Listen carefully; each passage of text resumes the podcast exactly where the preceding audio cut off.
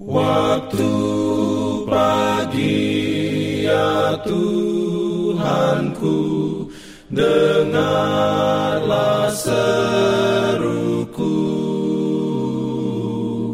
Melayang doa yang sungguh Memandang padamu. Selamat pagi pendengar Radio Advent Suara Pengharapan Mari mendengarkan suara Tuhan melalui tulisan pena inspirasi Yesus, nama di atas segala nama.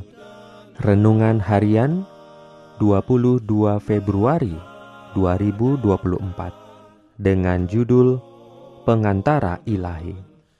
Ayat inti diambil dari Keluaran 34 ayat 33. Firman Tuhan berbunyi, setelah Musa selesai berbicara dengan mereka, diselubunginya lah mukanya.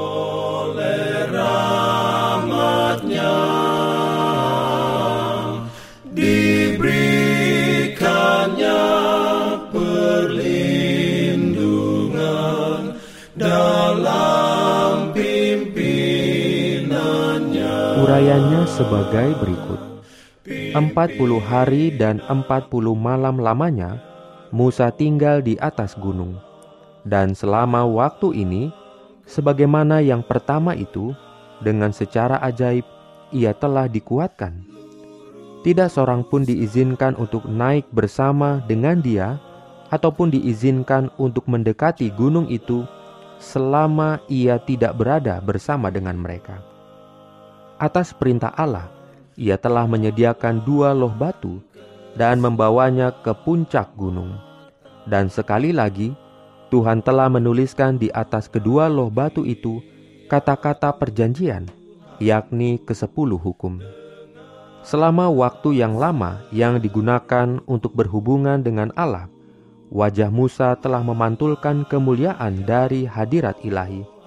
Dengan tidak diketahuinya, wajahnya bersinar dengan terangnya pada waktu ia turun dari gunung itu. Terang seperti itu telah menerangi wajah Stefanus pada waktu dibawa menghadap kepada hakim-hakimnya. Semua orang yang duduk di dalam sidang mahkamah agama itu menatap Stefanus, lalu mereka melihat muka Stefanus sama seperti muka seorang malaikat. Harun, sebagaimana orang banyak itu, undur dari Musa, dan takutlah mereka mendekati dia Melihat kekacauan serta kegentaran mereka, tanpa mengetahui sebabnya, ia mengajak mereka supaya datang dekat. Melalui terang yang menyilaukan itu, Allah bermaksud untuk memberi kesan kepada Israel tentang sifat-sifat hukumnya yang suci dan agung itu. Sementara Musa berada di atas gunung, Allah memberikan kepadanya bukan saja kedua loh batu yang berisi hukum itu, tetapi juga rencana keselamatan. Ia melihat bahwa pengorbanan Kristus telah digambarkan lebih dulu oleh segala lambang-lambang pada zaman orang Yahudi, dan terang surga yang memancar dari bukit Golgota, yang tidak kurang daripada kemuliaan Allah itu, yang telah memancar dengan terangnya kepada wajah Musa.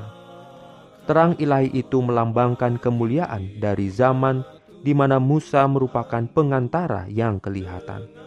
Musa adalah satu lambang daripada Kristus, sebagaimana pengantara Israel itu menudungi wajahnya oleh karena orang banyak itu tidak tahan untuk melihat kemuliaannya.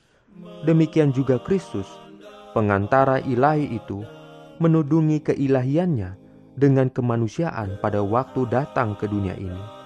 Jikalau ia telah datang disertai oleh kemuliaan surga, ia tidak akan dapat mendekati manusia dalam keadaannya yang berdosa. Mereka tidak akan tahan terhadap kemuliaan hadiratnya. Oleh sebab itu, ia telah merendahkan dirinya dan dijadikan yang serupa dengan daging yang dikuasai dosa karena dosa, agar ia dapat menjangkau umat manusia yang berdosa itu dan mengangkatnya renungkan lebih dalam bagi Anda. Apakah saya memiliki pancaran cahaya yang berasal dari kepatuhan pada hukum kudus Allah? Diberikannya perlindungan dalam pimpinannya. pimpinannya. Jangan lupa untuk melanjutkan bacaan Alkitab sedunia percayalah kepada nabi-nabinya yang untuk hari ini melanjutkan dari buku Yeremia pasal 25. Selamat beraktivitas hari ini. Tuhan memberkati kita semua. Jalan kewajiban.